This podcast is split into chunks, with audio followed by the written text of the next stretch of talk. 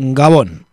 La cadena humana de 202 kilómetros que ayer cruzó parte de nuestro país pasando por Donostia, Bilbo y Gasteiz supone sin lugar a dudas un hito más en la movilización a favor del derecho a decidir en Euskal Herria.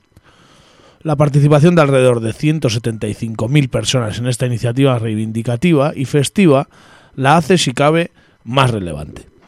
La pluralidad, la pluralidad de las personas que tomaron parte en la iniciativa también la refuerza y está y resta argumentos a aquellos que han intentado desprestigiarla y restarle valor cuando ellos mismos son incapaces de aglutinar siquiera a una cuarta parte de las ayer congregadas. El derecho a decidir es fundamental para que nuestro país pueda avanzar hacia un escenario en el cual sus derechos sociales y territoriales sean respetados y las y los ciudadanos podamos ser dueños de las decisiones que nos incumben. Desgraciadamente, no parece que la actividad política de algunas de las formaciones que participaron en la inmensa movilización de ayer vaya en consonancia con lo que la gente de a pie les exige. Las políticas que han llevado a cabo en parte de nuestro país estas últimas tres décadas no han logrado siquiera cumpl cumplimentar aquel autogobierno que pactaron con el Estado hace ya 40 años. Sus vaivenes en la política estatal durante este tiempo, siendo los más recientes de una gravedad considerable, tampoco han ayudado a ello. No es momento para la autocomplacencia, sino para la ambición y la reflexión de los siguientes pasos a dar. No es momento para que las instituciones monitoricen un movimiento, sino para que un movimiento monitorice las instituciones, lo cual siempre es más fiable si nos atendemos a las situaciones pasadas. También es momento de ser muy consciente de los topes y las líneas rojas que presenta la situación.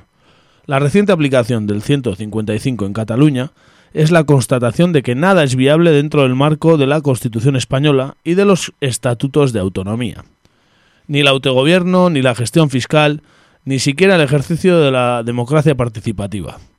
La ambición ha de ir más allá de todos estos elementos que en el pasado han demostrado ser meros parches a, a unas costuras desgarradas. Que la brújula esté orientada hacia el cambio social de raíz también es un factor fundamental, ya que la utilidad del derecho a decidir quedaría muy reducida si solo es empleada para cuestiones territoriales. Es momento de seguir construyendo un país dueño de sus derechos al margen de una legalidad que jamás permitirá su emancipación. Así pues, sigamos hacia adelante. Ongi etorri gaur egur. Guten Tag, meine Damen und Herren. Entering the United полном States. основании можно сказать, знаешь что? C'est la lutte contre le terrorisme. Katea ez da eten. Agirre, garaikoetxea, leizaola. Gaur egur. Gaur egur. Gaur egur. jolasten eta enredando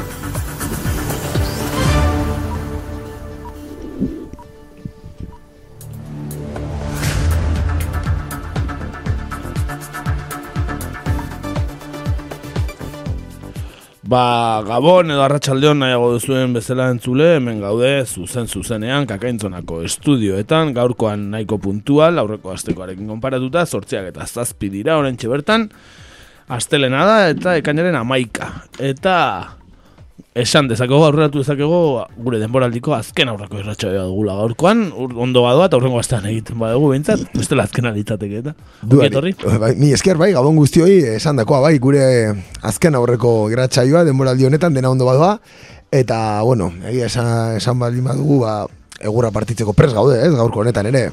Bai, bai, bueno, e, gaiak nahiko gortukoak, bat e, atzoko mobilizazioa eta abar, eta bestea ere nazioartean ere ez guaz oso urrutira, eta, bueno, ba, ondo, urtea bukatzen gustora dio gara, eh? Bai, bai, egia esan, bai, nahiko, ez, nahiko gai potenteak, ez, azaldu dira azken irratsaio hauetan, eta gaurko ez da excepzio izango. Hori da, gaurkoan e, gure irratxaiako hirugarren zutabe nagusia ere hemen daukagu, ba amatikan e, oporretan bueltan, errengo astean ezin izan zuen egon eta, ongi etorri zuri ere.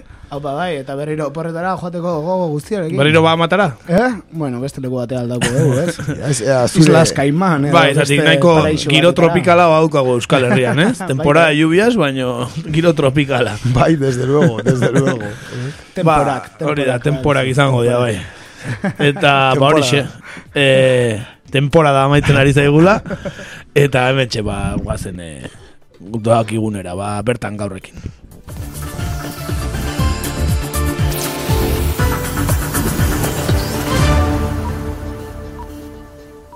bertan gaur.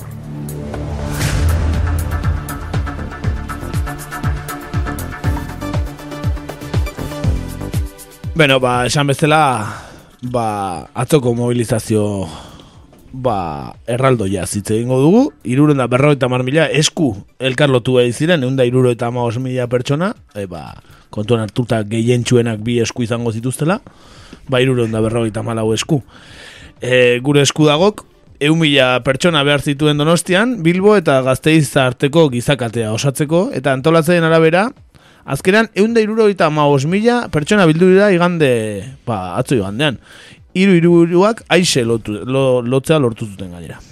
Bai, eh, goizan, goizetik hasi zen mugitzen jendetza eta mila autobusetik gora, eh, abiatu ziren herritar eh, ba, bueno, taldeak ba, berreunda bat koma bederatzi kilometroko kate horretara eramaten. Hori da, ia berreunda bi kilometro. Guztira, bos mila voluntario aritu ziren antolaketa lanetan. Bai, e, eguerdian, e, lotu zituzten zapi eta eskuak herritarrek eta Pablo Muñoak herritarren ituna deituriko proposamena abiarazi zuen e, donostian, eskuz esku gazteizeraino iritsi zena ba, eusko legebiltzarreaino. Herriaren itunaren edukia, herri zerri jorratu zuten gure eskuago kideek eta era parte hartzaian eta euskal gizarteko iragilei egiten zaion proposamena biltzen du e, herritar itun honek Eta datozen urteetan Euskal Gizartak erabekitzeko eskubidea gauzatu dezan ba, erramenta bat gehiago da, herritarren itu nau. E, alde horretatik, e, atzoko ekimenak bultzada berezia, e, man nahi izan zion Euskolo Gabiltzarra lantzen ari den autogobernu ponentziari, honek herritarren itunean esaten dena kontuan ardezan. Agiriak erabakitze eskubiaren aldeko, 2000 eta emeretzi arrazoi biltzen ditu, orain gazteizen bezala aurki ituna Nafarroako foru legibiltzarrera ere, eramango dutela iragarri du gure eskudagok. Alderdi, sindikatu eta era guztietako erakundean e, sostengua, izan du gizakate honek, e, EAJ, Euskal Herria Bildu, Elkarrekin Aldugu, ELA, LAB, ESK, EILAS, Bilgune Feminista, Altxasuko Gurasoak, eta beste sigla eta erakunde ugari izan dira elkarretaratzen. Esaterako, pentsioen pankartena eta mugimendu feministaren bandera moreenak ere ikusi izan genit, duan Eta e, eunda hogeita bi eta eunda laro geita mairu kilometroetan, elkartasun kolore hartu zuen e, gizakateak, aurrenekoan kolore horia, e, Kataluniako prozesu subinanistaren ondorio zauzipetatuko egi ba, e, babesa dierazteko. Han izan ziren, e, Junts per Kataluniako parlamentaria Aurora Madaula, Kupeko Mireia Boia, Omnium Kulturaleko Ignasi Ternes, eta Asamblea Nacional Katalanako, Biltzar Nacional Katalaneko presidente Elisenda Paluzie. Gabriel Rufian ere egontzen, ERZ-ko diputatua Madriden, baina hau donostin egontzen, etzen egun dago bigarren kilometroan egon Bilbon. Esan bezala beste kilometro bat ere egontzen, ez, elkartasunez, e, ba bueno, kolorestatu zena. E, egun dara logeita mairu izan zen, hain zuzen ere, eta altxasuko hausian zigortutako zortzi gaztei adierazi zieten elkartasuna bertan. Mhm. Horien artean, nabarmendu ba, hori ANC, Union Kultural, RC eta Kupeko ordezkariak egon zirela, eta baita altxasuko gurasoak ere, eta gogoratu ba, mobilizazio erraldoia izan badau, ba, larun bat ontarako iruñan dituta dagoen manifestazioa erraldoia izatea nahi dela. Duari gabe. E, alderdi popularrak eta PSek, e, ekitaldiaren aurkako jarrera, e, agertu dute, eta salatu dute alako ekitaldiekin, liskarra pizten dela euskal gizartean eta herritarrak banatu egiten direla. Gure esku dagoko bozera maile den Jone Armendarizek, et, Amon Arrize barkatu eta Angelo Oiarbidek e, irakurri zuten ekitaldi bukaerako agiria, et, legebiltzarraren aurrean, gazteizko legebiltzarren aurrean, eta ba, lehenengoak euskeraz eta bigarrena gaztelaniaz. E, mezu nagusian, e, keinu egin zieten beste borroka eta aldarrikapen ugariri ere, eta erabaki eskubideak guzti hoiei e, eragiten diela azpimarratu zuten. Eta ba ukagu hemen e, Jone Amonarri zen e, ba, audioa ba, esan zuenaren laburpen bat zeren ja, 6 minutu itzein zuen eta gile egiten. Gaur milaka eta milaka herritarrok inoiz baino argiago erakutsi dugu elkarrekin herri honen etorkizun politikoa erabaki nahi dugula. Erabakitzeko beharra daukagula eta milaka arrazoi ditugula maila pertsonalean zein kolektiboan gure bizitzetan zuzenean eragiten digutenak, gure etorkizunaz hitza hartu nahi izateko.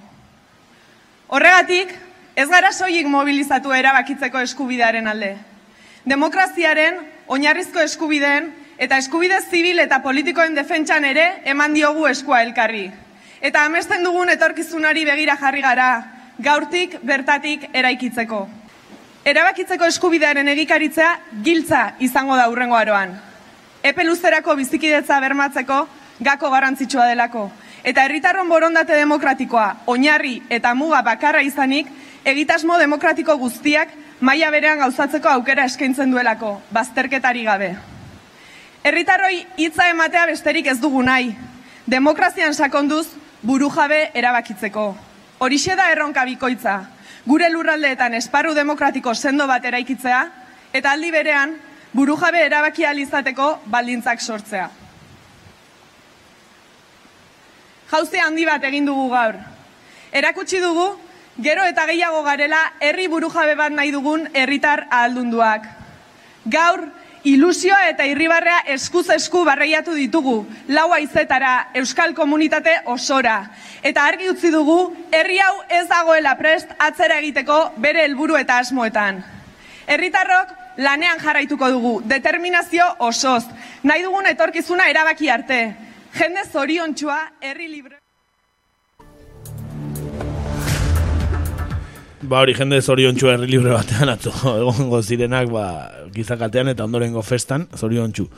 E, datorren urterako gure eskuagok hausnarketa prozesu bereziari ekingo dio e, hau guztia nola egi, egikaritu ba, hausnartzeko, baina dagoeneko iragarri dute erabakitzeko eskubien aldeko sare iraunkurra bultzatuko dutela. Horretaz gain alderdi politikoek e, parte hartu zuten eta naiz eta protagonista e, gizartea izan eta herritarrak izan, ba, nola ez, ba, alderdi politikoa gaudenean, ba, deklarazioak egiten dituzte eta ekarri ditugu batzuk. Duari gabe horrela funtzionatzen da oraindik. E, hortuzarrek, eh, adierazi zuen, ba, kaleko aldarrikapena, aldarrikapenak isla izan behar duela erakundeetan. E, iriartek, e, EH Bildukoak arduraun politikoi eskatu die ez ditzatela begiak itxi mobilizazioaren aurrean. Bere aldetik, eh, PSEek kritikatu egin zuen, eh, ba, bueno, erakundetako ordezkariek gizakatean parte hartu izana. Eta alderdi popularak gizarte austura sustatzea leporatu dio EAJ-ari, EAJ-ari bakarrik. Hauetaz gain, elkarrekin Podemosek eh, ez zuen inolako adierazpenik egin. Benetan kuriosoa. Bai, bai, kuriosoa. parte hartu zuten, ez, ez baina iz konfunditzen. Bai, bai, bai militantek, bai, edo buruzagi, baina, bueno, alderdi bezala ez ziten Ez, hori da, ez, bai, hori da. Baina, beno, ez dakit, eh, kalea hartu behar dela eta inbeste gustatzen zaion alderdi bate, ba, mila pertsona hartutako mobilizazio bate, eta ez inolako adierazpenik egitea nahiko kuriosoa, ez dakit, nahi iruditzen zait, ba, beraien artean liskarra izango dutela bian gai honekin, eta ba, hobe ez errez esatea, ez? Bai, bai, guzti honek nahiko, ez, liskar sortzen ditu Podemosen barruan, eta bueno. Hala ematen du bai. Bai. Ba, erabakitzeko eskudean aldeko mezu Eusko Legabiltzarren atariraino eraman zuen gure eskudagok, Donostia Bilbo eta Gazteizko gizakatea lotu zuten irutamagoz mila, eunda irutamagoz mila lagunen indarraz ba, iritsita, herritaren itun hori ba, legebiltzarrera, ezta? Bai, handi gertu eh, parte hartu zuen, hain zuzen, bakartxo tejeria legebiltzarreko presidenteak, gure eskudagoren gizakatean. Gorka urtaran, gazteizko alkatearekin batera, izan da Andra Mari Zuriaren plaza. Tejeriak esan zuen mobilizazioak erakutsi dizuela bere etorkizuna libre eta demokratikoki erabaki nahi duen herri bat badela. Urtaranek ere esan zuen Euskal Herriak bere etorkizuna askatasun osoz erabakitziko eskubidea duela, eta gogorarazi duzuenez, e, EAJak beti defendatu du eskubide hori. Hala, hala esan zuen urtaranek. Eta Josega Egibarrek, ba, etzion, kontrakorik esan, EAJ-ko gipuzkoako presidenteak, ba, ziurtatu baitzuen Euskal Gizarteak gaitasuna duela erronkei aurre egiteko. EAJ-ko buruzagia den Josega Egibar, ba, donostian egontzen, eta gaineratu zuen, elkar harturik irudikatzen duguna, baino askoz ere gauza gehiago lor ditzakegu. Bai, atzu izan ziren alderrikapen hauek, hau ez da alderdi eguneko Ah, erresumena. ez, ez, ez, ez. Goodbye Espainian biserarik ez genuen ikusi. Bien, jarrai deza, jarraitu ezagun markatu. Egibarrekin batera izan zen Markel Olano, Gipuzkoako aldun nagusia Donostiako eh, antiguoko auzoan.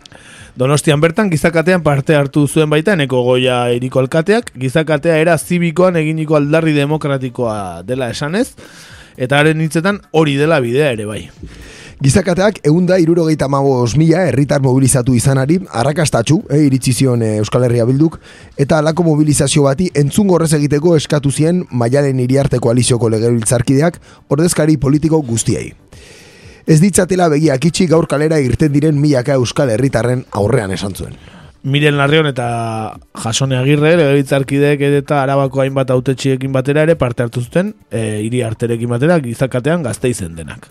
Euskal Herria bilduko koordinatzaile nagusien Arnaldo Tegik berriz, eh, elgoibarren eh, izan zen, bere herrian, Eta audio bat ekarri dugu Arnaldorena, ba, izan delako, ba, aipatu ditugun politikari guztietan, aurkitu dugun e, au- e, ba, audio bakarra interneten, besteak ez dakit, ba, ETB-en ez dugu behiratu ETB-en, seguruenak ETB-en agertuko zean EAJ-koak e, puesto egingo nuke, baina, bueno, ez dugu aurkitu, eta orduan, ba, bakarrarena audio ekarri duguna, ba, Arnaldo Otegirena da, eta algoi barren egin zuen, bere aita eta bere semea alboan, eta niru belaunaldiak hortxe katean zeudela. Bai, gaurko egunean Euskal Herria bilduk eta ezker independentistak bat egingo du gure esku dago konbokatutako gizakatearekin. Eta gure ustez gaur independentista garenok eta ezkarrekoa garenok beste sektore batzuekin aldarrikatuko duguna da erabakitze eskubide. Guk uste dugu gaur Euskal Herriak nazioarteari eta baita ere bi estaduei ez oso argi bat helarazten dugu. Guk nazio honek bere erabakiak hartu nahi ditu eta libre eta demokratikoki erabaki nahi du. Eta ez dugu horretan amore eman. Herri honek egunen batean erabakiko du libre eta demokratikoki bere etorkizuna. Ba hortxe Arnaldoren, e, bueno, e, adierazpen nahiko aurre ikusgarriak, ez? Ez zuen ezer berri esan, ez zen ezer berri esateko eguna ere, ez? Ez, da, ez, esan da zegoen ez konstataziorako eguna zen, ez? Bai, Kopuru eta zitzeiteko. Argazkian atera eta... Hori da, ez da. Nahiko ez Baina argazkian beste batzuk ez ziren atera. Adibidez, PSEek ba, kritikatu egin zuen eh, erakunde publikoetako hainbat kargudunek gure eskudagoren gizakatean partu hartu izana. Bai, Miguel Ángel Morales, eh, PSeko antolakuntza idazkariaren iritziz, eh, ez dagoki alako protestekin bat egitea, berak esaten du. Guztion bizitza hobetzeko aldarrikapenak babestu behar dituzte, eta ez alde bateko mobilizazioak esan zuen. Moralesek gaineratu zuen Euskal Herritarren gehiengoa ez dagoela Euskal Herriaren inde- independentziaren edo Kataluniakoaren gisako jokaleku baten alde. Agintari politikoak deitu zituen garapen ekonomikoa, kalitatezko enplegua eta desberdintasunaren kontrako borroka ardatz izango duen Euskadi eraikitzea. Mm, Bueno, badakigu Moralesek, badakila Euskal Herriako gizarte guztiak zer nahi duen, galdetu ere egin gabe. Galdetzea da atzoko mobilizazioak eskatzen baina Moralesek badaki aldez aurretik zer nahi dugun Euskaldun guztiok, eta orduan, ba, ez da aldarrik epenerako bo, tokirik, zeren Moralese badaki, eta listo. Morales presidente, eta listo. Eh, oso kurioso da, gero, de, de hecho, itxe ingo dugu, eh, PS, bueno, PSOeko hainbat, eh, ba, bueno, figura importante, Kataluniako, eh, Katalunia egindako beste hainbat mobilizazioetan eh, euki duten parte hartzeaz. Beran Bai, hor bai, hor, bai, ez da. Hor, da. hor gizarteak parte hartu dezak, gizartean parte hartu dezakete erakundeetako ordezkariek, ez da. Josep Burrelek eh, hogeita Bai. minutuko mitin bat ematea Plaza Katalunian ez du arazorik suposatzen. Ez, ez, inondik inora. Bueno, ba, pero falta zaigu, ba, ordezkapena duen eh, alderdi bakarra falta zaigu, lege biltzarrean, gazteizko lege biltzarrean ordezkapena duen alderdi bakarra, zeren esan dugunez, elkarrekin Podemosek ez zuen adierazpinek egin. Eta zein, ba, Pepe. Pepek ere, ba, zer, ba, aurre ikusita. Ba, Pepek salatu egin zuen erakundetako hainbat ordezkariren parte hartzea. Bai, zehazki gaitzetxe egin zuen Eusko Legebiltzarreko presidenteak, Araba Bizkai eta Gipuzkoako aldun nagusiek eta Gasteiz, Bilbo eta Donostiako alkateek gizakatearekin bat egin izana. kargudun horiek beren interes ideologikoak lehen etxe dituztela herritarren interesen gainetik gaineratu zuen eh, Alfonso Alonsok. Bueno, baki alderdi popularak zeinen interesen gainetik, eh, hartu jarri dituen gainetik zeinen interesak zeinenaren gainetik, azken urte hauetan, ez? Bai, bai, intereseta zitzeiteko ez dut uste momentu oso egokia denik. E, gaur bertan, ez, Valentziako alderdi popularra e, ilegalki finantziatu zelaren, ba, bueno, sententzia atera da, Camps tarteko, bueno, e, or, Valentziako mafia guzti hori tarteko, eta, bueno, e, gaur ere ez da egun gozoena, peperentzat. Ez, ez, ez interesetaz hitz egiteko ez behintzat, hori seguro. Beno, e, ba, hau, e, nahi ba ez du baloratuko egu pixkat, bueno, ba, mobilizazio handia, eta, bueno, ba, ikusten danez, gure esku dago, que, ba, bere buruari erronka jartzen dionean, orain goz, ba, asmatu egiten du, ez? Urtean zean, beste mobilizazio batzuk egin ditu agian ez dituena, ez duena lortu jendea aktibatzea, baina benetan hor dagoa jo duenetan, ez? Eta benetan jendea behartzen mobilizazioetarako, ba, lortu du jendea mobilizatzea.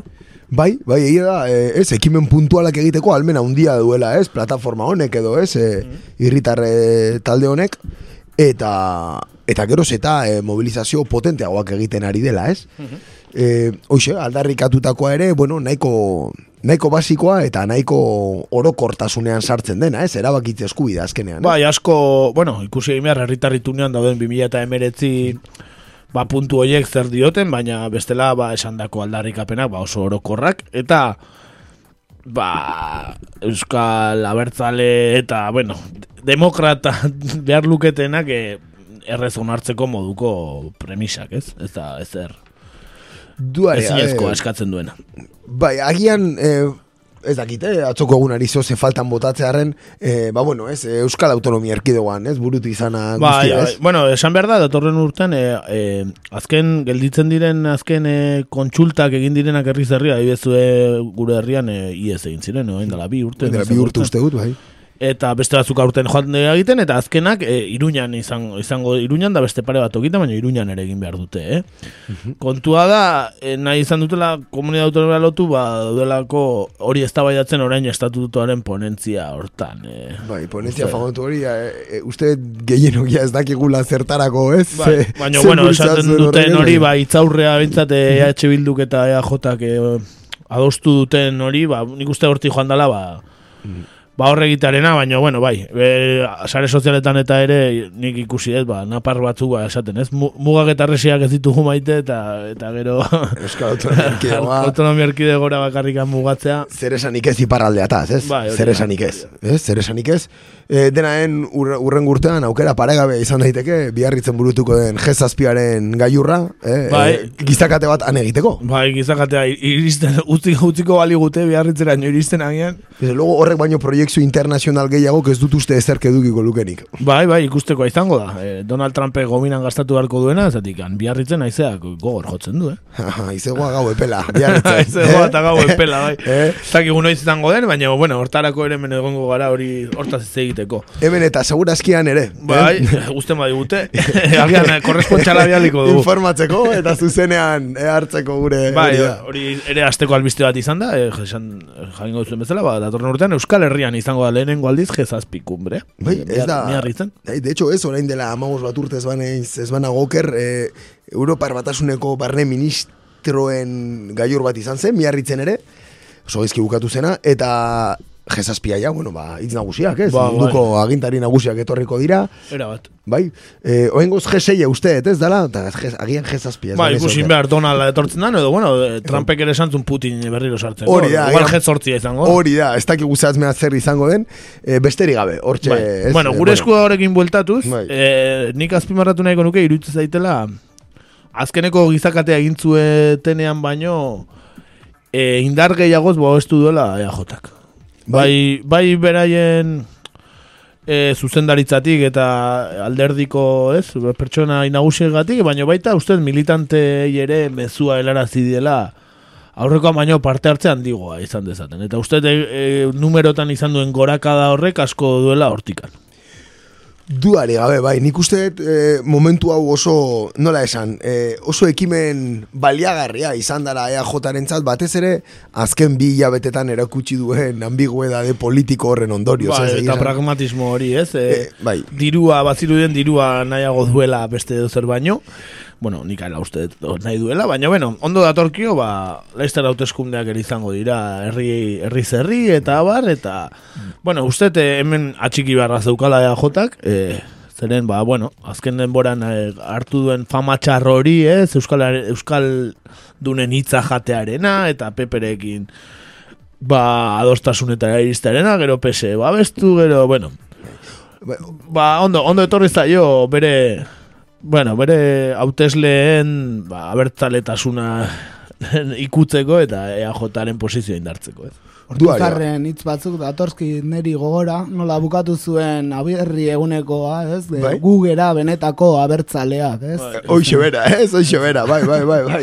Eta, eta nik uste dut ere hortik doala pixkat kontua, ez? E, horrelako ekimen batek eh, eman dezaken, ba, nola esan, nola esan, e, abertzaletasun puntx hori, ez, behar zuten momentu honetan, eta benetan pentsatzen dut ondo etorri zaiela. Bai, bai, badiruri baiet, eta, eta genetan e, mobilizatu dutela beraien, e, bueno, beraien oinarria edo, ez? Oinarrian daude militante guztiak eta nik uste aurrekoa gizakatea hartan baino mo, gehiago mobilizatu direla.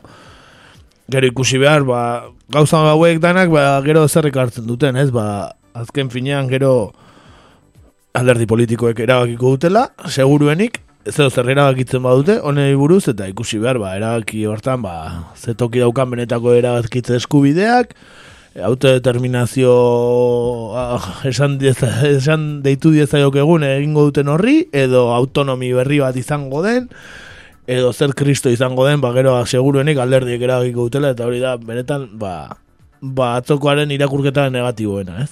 Bai, bai nik uste dut hor dagoela gako azkenen, ez? Proiektu gure esku dagoren, proiektu guztionen gakoa hortxe dagoela, ez?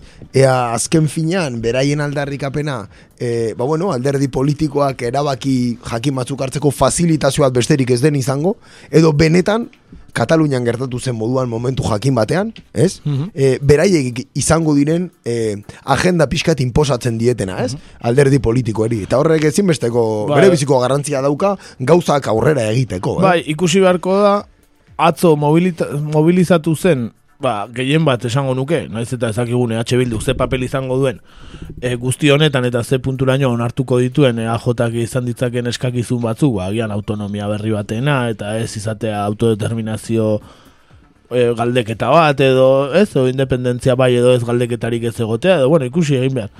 Nola, nola bila, ze bilakara daukan honek, baina e, klabea izango da, atzo mobilizaztu zen batez ere EAJaren oinarri hori, EAJak hasten danen e, guraiza pasa eta dana mozten eta dana kapatzen, ea erantzungo dion e, bere alderdi politikoari eta mobilizatzera eramango duen, ba, Katalunian esaten zenun bezala gertatu zena.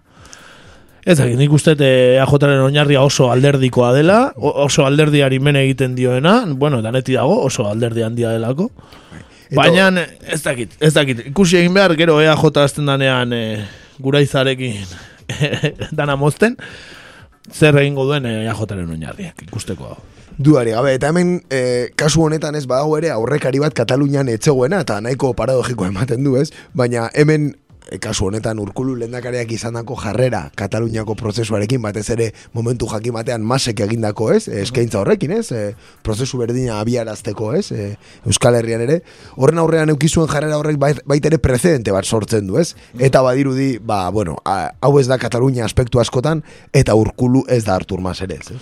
Ez, eta urkulu, ba, bueno, beti esan du, ba, behin ditu askotan, ba, esan du, ba, egoita garren mendean, independentzia nik ez dagoela eta ez dana dela, bueno, elkar ulertzea eta dependentzia gaudela bai Europa barruan, bai, eta bueno, esan dezagun, ba, diskurso nahiko autonomista erabili duela. Beti da nikan, ez? Bai. E, Kataluniarekin eukiduen jarrera zaparte. Orduen, e, bueno, ba ikusi egin behar, gero, nik behintzat ez dut gauza handirik espero EAJ-ko e, zuzendaritzatik kasu honetan, eh? Uste, e, makilat horraztuko dutela pixka, gero, itzaurre hori eta ponentzi horrekin eta galderaren bat agian, agian galderaren bat erantzungo dugu e, e, ba, Euskal Autonomia Erkidegoko biztanleek, baino ikusi egin behar zein den galdera hori. Bai, eta hor nahiko, nahiko bat interesantea daukate, ez? Bai, gobernu berriarekin, e, bueno, zabaltzen diren aukerak, batez ere diot Gernikako estatutua betetze aldera, ez? Mm Beraien, ez? Ba, bueno, ez behi sakratu horren inguruan, ez? Sortu daitekena. E, hori lortuta ere, e, ba, bueno, transferentzio horiek garaipen moduan saltzeko eukiko duten ez ba, exitoan egongo dala pixkate aldea, ez? Alde batea edo bestea, ez? Mhm. Ikusi beharko da nola egiten duten hori ere, ez? Bai, berroi urte ondoren, agian noizbait estatutua beteko da. Adibidez hor da, kartzelen transferentziak eta beste batzuk, ez da? Bai, bai. Ez dakit, ez dakit. Eh, ez da, gero itzen godu, baina ez dut uste pesoek indar gehiagirik duenik e, kontzesio handirik emateko Madridetik, eh? ez, eta baldima dira zerbaiten truke izango dira, bere. Bai, eta uste kontzesio goi emango ditula Espainiar eskuinaren alde, beste zerrekiko baino, eh? itxura handia daka, gero komentatuko dugu, bai. baina bai, ez da itxura honik. Eta, bueno, ba, azken gai bezala, honekin lotuz, ba, bueno, ba, hain movimento masiboa den gure esku dagok, ere ba, badu euskal independentismoan ba, kontrapuntua eta ados ez dagoen jendea. Eta horri, bueno, ez zailo inolako jartzunik eman edabideetan, baina egia esan, azte hontan maule eta gernika lotu dituzte autodeterminazio eskubide aldarrikatzeko ba, ba, bueno, ba, beste movimentu batek. Askatasunan aldeko Euskal Herriak askatasuna plataformak. Bai, Euskal Herriak askatasuna plataforma plataformako kiden iritziz, e, okupaziopean ez da posible, erabakitzerik, ez da elkar bizitza demokratikorik ere. Hori dela eta autodeterminazio eskubide aldarrikatzeko helburuarekin antolatu dute asteburu aurreko asteburuan larun baten askatasunan aldeko karabana. Bai, larun bat e, goizeko amarretan, zuten itzordua maulen, eta handik gernikarainoko bidea egin zuten autoz. Euskal Herriak askatasuna plataformaren iritziz, eragile abertzalek, na, abertzalen nagusiek ontzat ematen dute Euskal Herriaren zatiketa administratiboa, eta ez da gehiago salatzen okupazio egoera. Horregatik nazio askapenaren irakurketa jarri nahi dute mai gainean berriro ere. Guk salatzen dugun estrategian bada batetik instituzionalismoa eta bestetik beraiek nazioarteko komunitatea deitzen duenarekin aliantza esplikatu dueneko zestau aranibar plataformako kideak. Guk irakurketa guziz desberdina egiten dugu esan zuen. Guretzat komunitate hori nazioarteko imperialismoa da, eta nazio askapenaren eta munduko herrien eta langileen askapenaren kontrako etxaia da. Beraz, guk uste dugu zapalduak bagaude askapen borroka bat behar dugula. Plataforma berri hau e, otxailan aurkeztu zen eta bertan egindako idatzian referentzia zuzena egin zioten gure esku dago movimenduari. Esanez ez zutela atzorako antolatu, duten, e, antolatu zuten gizakatean parte hartzeko asmorik. Ez dute bat egiten erabakitzeko eskubidearen aldarrikapenarekin. Jende anitzek hasieran ulertu zuen erabakitze eskubidea autodeterminazio eskubidearen parekidea zela. Denborarekin gure eskudagok berak onartu du ez dela berdina. Guk uste dugu Euskal Herrian hortasun propioko nazio bat baldin bada, nazioen eskubide guztiak nazio ororentzat diren bezala, Euskal Herriarentzat ere izan behar direla. Guri dagokion eskubidea autodeterminazio eskubidea da, argita, argitu zuen zestauk. Kataluniako gertakariak dituzta adibidetzat, joan den udazkenean alde bakarreko erreferenduma antolatu ondotik, horren emaitzak eskuan Kataluniako errepublika aldarrikatu zuten, baina bere alakoa izan zen Espainiako gobernuaren erantzuna. Eunda horretan mausgarren artikularen bidez, bere gain hartu zuen Kataluniako gobernuaren kontrola eta sailburu gehienek presondegian sartu zituzten deno dakigun bezala. Okupaziopean, den bitartean, ez da posible autodeterminaziorik labur bildu zuen eneko zestauk. Okupazio bukatzen den momentuan autodeterminatu izanen da herri hau. Bere erabakiak libreki hartzeko baldintzetan egonen da. Eta hori da azkenean autodeterminazioa bukatu zuen zestauk. Larumateko martxaren bidez, e, gure eskudagoren planteamenduarekin ados etzirenei beste proposamen bat egin nahi zieten. Euskal Herriko bos lekutatik iragan zen e, karaban hau erresistentziaren eta duintasunaren eredu diren bos leku. Maulen, matala zoroitu zuten mauleko gazteluan egin zuten ekitaldi batean. Amai urren berriz, Nafarroako erresuma defendatzeko borrokatu ziren Nafar gudariei egin zieten gorazarre. Tolosan, Xabi Etxebarrieta izan zuten gogoan. Elgetan, intxortako bataia izan zuten ardatz. Eta Gernikan bukatu zuten eguna. Arrazoi, e, ba, argien gatik. Uda orain arteko valorazio egiteko baliatu ondotik, udazkenean iragarri dituzte, ba, ekimen gehiago plataforma honetatik. Beno, aldarrikatzen duenan, nik uste arrazoik etzaiela falta. Kontua da, ba, bueno, gure esku dago daukan mobilizazio kapazitatea eta plataforma honak duena, ba, ez dela, ezin dira alderatu. Hori da, ez, ez dira konparagarriak. E, egia da, alde batetik, bigarren plataforma honek antolatutako, ez, ekimen honetan, badagoera eduki oso e, politiko oso sakona. Hau da, ez dala bakarrik e, eduki politiko festibo bat, edo eduki politiko territorial bat, baizik eta eduki sozial bat ere baduela, ez, gure eskudagok ez duera. Mm bai, eta argita garbi esaten duena dela, gure autodeterminazio eskubidea, nazio bat dena. Noski, zer gertatzen da, orain alderdi politiko bakar batek ere, edo bintzate, eh, ordezkaritza dauketen bakar batek ere, ez duela, ja, e, diskurtso hori. Ez, e, nazio bat garela eta eta ba, zazpi lurraldeetan e, ba, galdeketa bat egingo dena independentzia bai edo ez, orain bertan ez du inorrek defendatzen, e, bintzate ordezkaritza dauketen alderdi bakar batek ere ez. Duare gabe, e, aliketa gutxiago, e, autodeterminazio eskubide horrek izan dezaken bermea eskubide sozialen, ez? E, bueno, kasu honetan sozialismoaren alorrean, ez? Hori ja ez dago mai gainean, ez? Kasu ba, bai. honetan. Eta, bueno, adibidez, ba, EH Bilduk edo ezkerra bertzalak ere, ba, ba esan zuen e, lau gehi iru, ez?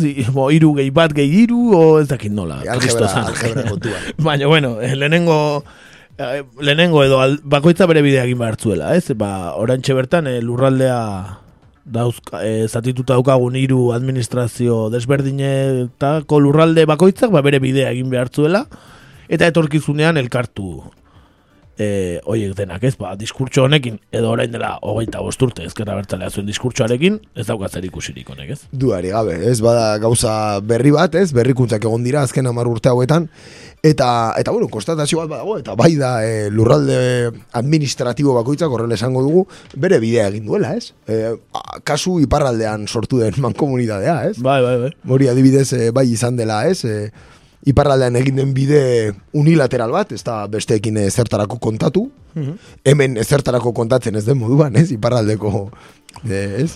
Bai, testuingurarekin orokorrean. Esan dezakegu, ba, Euskal Herri independiente bat eh, ezagutuko badu noiz bait, ezazpi lurralde dituena, ba, bakoitza bere bidetik egingo dela independiente eta gero batuko garela, ez? Ez dela zazpi lurraldeek eh, batera lortuko duten independentzia bat, edo ez du ematen horrela gertatuko denik, noiz ezer gertatzen baldin bada herri honetan. Hori da, eh? dudari, dudari gabe. Eta bueno, ba, hortxe, ez beste ekimen batzuk ere existitzen dira, egia da, ekimen honek oso oihartzu mediatiko eskasa auki duela, eh? Ba, ia, bat, bat ere, esaterako. Nik adibidez gaur izan detonen berri, ez? Nik ere, nik gertatu eta gero, gertatu eta gero, ez gertatu aurretik. Baina, bueno, ez zaigu berriro pasatuko, zeren eh, adi egongo gara, eta urrengo denboraldian hemen jarraitzen badugu gaur egurren, ba, kasu egingo diegu, ea zer ekimen egiten dituzten, eta zeu zer egiten badute, ba, saiatuko gara ekartzen. Dudari gabe, eh? hortarako gaude hemen. Eta bueno, ba, hause pixkat, ez? Uste, Bai. gauza ez kontuari nahiko buelta... Eman dizkiogula, bai. Eman dizkiogula. Abesti bat ekarri dugu, e, ba, gazta zati bat e, we, e, dokumentala egin zuten ba, aspaldi, ba, gure eskudago hasi zenean, Eskoziara joan zirela, eta akordatzen zate. Bai, E, nazio batuen erakundean ere egon ziren, Bai, ez? eta Bai. hori da. Ba, bueno, horko banda sonorako abesti bat ekarri dugu, non gainera George Basarriona indiaren ahotsa entzuten den. Eta izena naiz agoratzen abestiarena? Gure herria geurea bada. Hori da, gure herria geurea bada. Ba, horixe, abesti, bueno, polita eta desberdina. Munduan bada bazter bat, ez genuen gu sortu orduko hautatu, gu herria eristen duguna. Eta mundu guzia da gurea, gu herria geurea bada.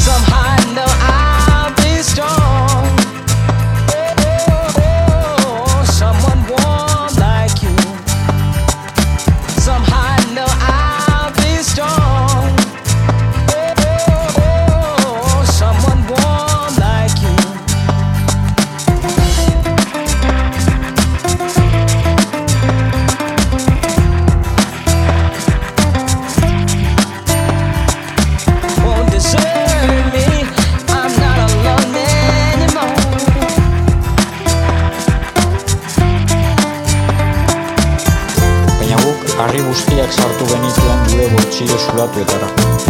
Egin genuena esen beti izan, egin behar genuena. Hildakoak eta distantziak ugaldu joan ziren.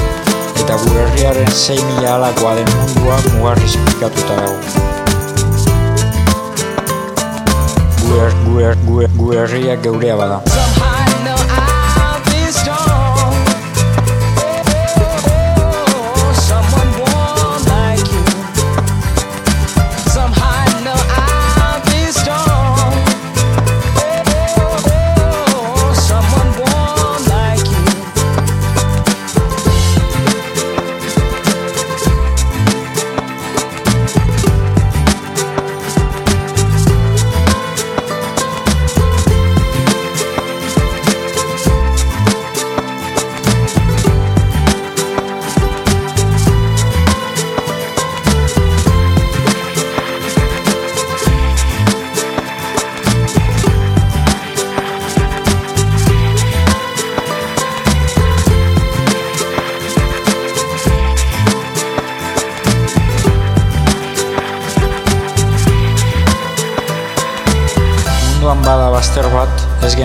Sortu orduko hautatu, gu herria eristen duguna. Eta mundu guzia da gurea, gu herria geurea bada. Baina guk harri guztiak sartu genituen gure boltsillo zulatuetara. Egin genuena esen beti izan, egin behar genuena. Hildakoak eta distantziak ugaldu joan ziren. Eta gure herriaren 6 mila alakoa den mundua mugarriz pikatuta dago. Mugetan, Henri Rousseau aduanairoak nondarra garen eta noruzkoa zen galdetu eskero, gure guztiak erakusten dizkiogu, ezen eta harriak ditugu. Harri hau, uharri hau ikusten duzu, alakoa zen gure etxea. Inongo lur neurtzaileak, ez den herrialdearen kartografoa gara. Egunak atzoz bete zaizkigu, gure oinen bila gabiltza. Gogoratzen duzu, galdu genuen aintzineko sorterri hura, Harriak ditugu baina ez dugu herririk. Harriak ditugu boltsillo zulatuetan. Eta ez dugu inon eraikiko betirako etxirik. Baina harriak ederragoek aldira ba arreziak. Gu herriak geurea bada.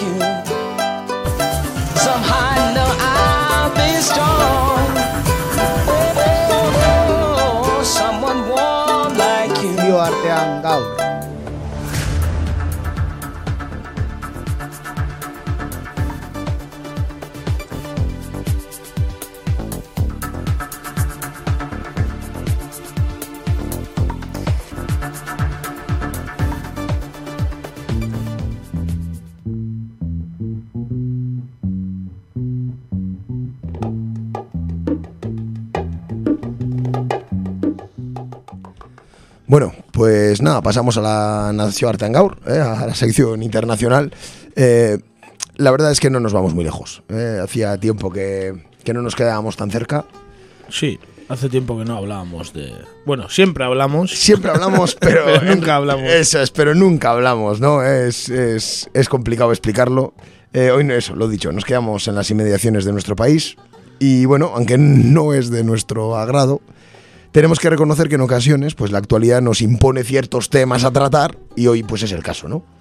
No nos ha quedado otra, vamos a decirlo así. Eh, hoy vamos a analizar ese nuevo gobierno que ha formado Pedro Sánchez en el Estado español, tras ser apoyado por la mayoría necesaria en la moción de censura que presentó contra Mariano Rajoy.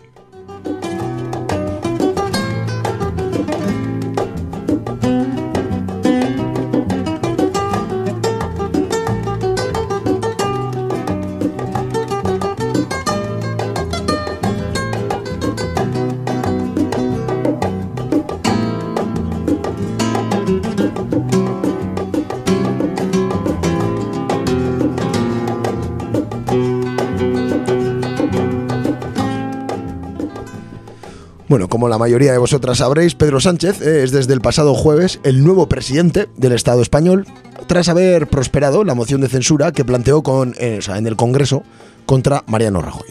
Lo cierto es que la polémica nos ha hecho esperar y los nombramientos de sus nuevas y nuevos ministros no han dejado indiferente a nadie. Es lo menos que se puede decir. Sí, sí. Desde un astronauta hasta, hasta, hasta un periodista de la prensa rosa, cabe muchos, mucha gente. Mucho pasando por, bueno, jueces, bueno, ahora lo comentamos. Aunque parezca increíble, el nuevo gobierno ha recibido valoraciones más positivas de quienes no le apoyaron en la moción de censura que de quienes lo apoyaron. Esto es increíble. Sí, bueno, parece que ha ido a eso, ¿no? A que no les puedan criticar en algunos aspectos, eh, pues tanto ciudadanos, que eh, uno de sus portavoces, Tony Roldán, consideraba el perfil general de los nuevos ministros correcto e incluso adecuado. Sí, hasta el PP, eh, aunque a regañadientes, pues alguna voz también se ha mostrado agradada por el perfil de este nuevo gobierno. El resto de las formaciones que apoyaron su moción de censura se muestran escépticos e incluso molestos con varias de las figuras que Sánchez ha nombrado ministros porque parece que ha dado en el clavo. ¿eh? Para los vascos nos ha dado un gran ministro del Interior, para los catalanes un gran ministro de Exteriores. Eh, pal pelo, la verdad, Sí. como se suele decir, nos ha dado pal pelo. Sí, la ha clavado, la ha clavado.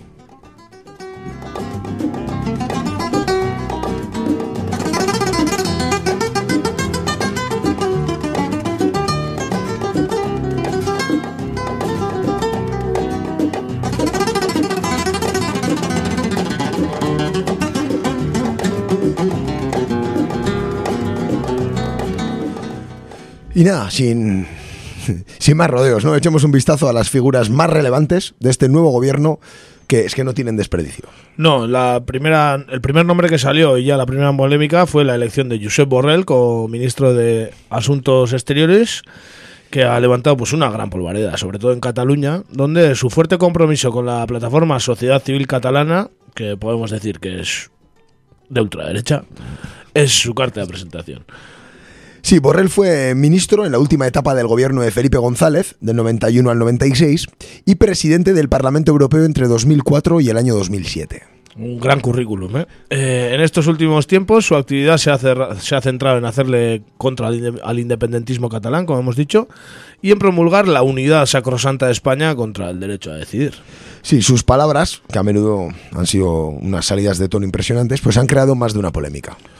Escuchemos un extracto de su discurso en el acto del PSC, en el cual hablaba abiertamente de desinfectar Cataluña. Hablamos de Josep Borrell, no es Matteo Salvini, ni es la Lega Nord de Italia, no, no. Ni Marine Le Pen, vamos No, a no, escuchar. ese es el Partido Socialista de Cataluña y es Josep Borrell. Està bé això de cosir les ferides, ¿no? Hay que recoser las heridas. Es verdad, esta es una sociedad herida y hay que sanarla. Pero antes de cerrar las heridas hay que desinfectarlas.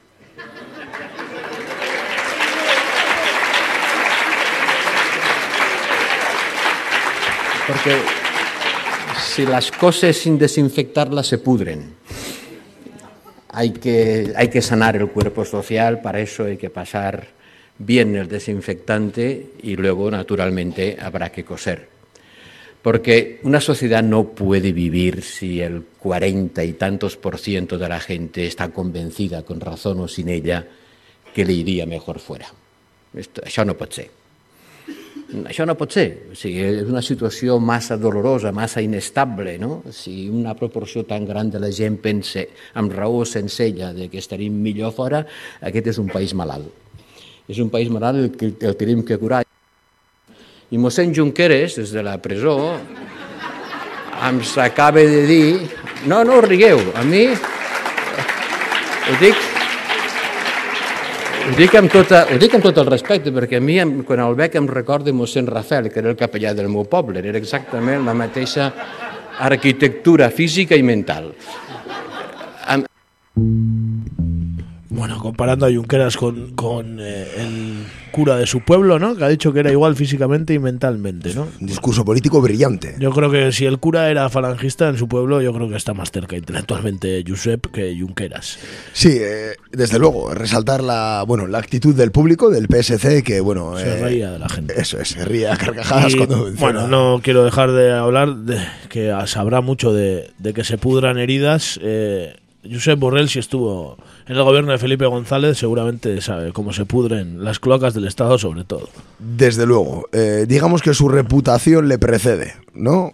Eh, este es el nuevo ministro de Asuntos Exteriores del gobierno del cambio, pero no el único. Vamos a continuar con el reparto de esta película. No, como ha tenido para todos y algunos eh, pues han alegrado de algunos cargos, pues la nueva ministra de Medio Ambiente ha sido bastante bien recibida. La Teresa Rivero tampoco está exenta de polémica, pero bueno, gran parte ha sido bien recibida. Sí, se ha hablado, se ha dicho mucho bien de ella. Sí, Greenpeace y de, de, esta- de estas ONGs ecologistas atadas bastante al institucionalismo, pues, eh, pues sí, se ha hablado bien de ella. Efectivamente, eh, vamos a ver por qué no tienen motivos para hacerlo. Eh, bueno, esta, bueno, Teresa Rivera fue secretaria de Estado para el Cambio Climático de 2008 a 2011 en el último gobierno de Zapatero. Aunque es considerada un- una firme defensora de las energías renovables y de la lucha contra el cambio climático, cuenta con una importante mancha en su expediente. y no menor. En octubre del año 2009, ocupando ella el puesto de Secretaría de Estado, como comentamos, firmó la declaración de impacto ambiental que dio luz verde a la construcción del almacén de gas Castor frente a las costas de Vinarós, en Castellón. A consecuencia de aquel proyecto se registraron casi mil terremotos en la zona, lo cual obligó al Estado a cesar su actividad. Tras la paralización del proyecto por motivos obvios, se indemnizó a la empresa propietaria ACS de Florentino Pérez con 1.350 millones de euros, que con los intereses se convirtieron en 2.419 millones de euros. El, pago de esa factura no la va a pagar Teresa Rivera, sino que va a ser a 30 años con todos los consumidores mediante un aumento de la factura del gas. Bueno, pues aquí, ¿no? La, bueno, una. Muy bien, Teresa. Otra, otro guion más en el currículum de la nueva ministra de Medio Ambiente, Teresa Rivera.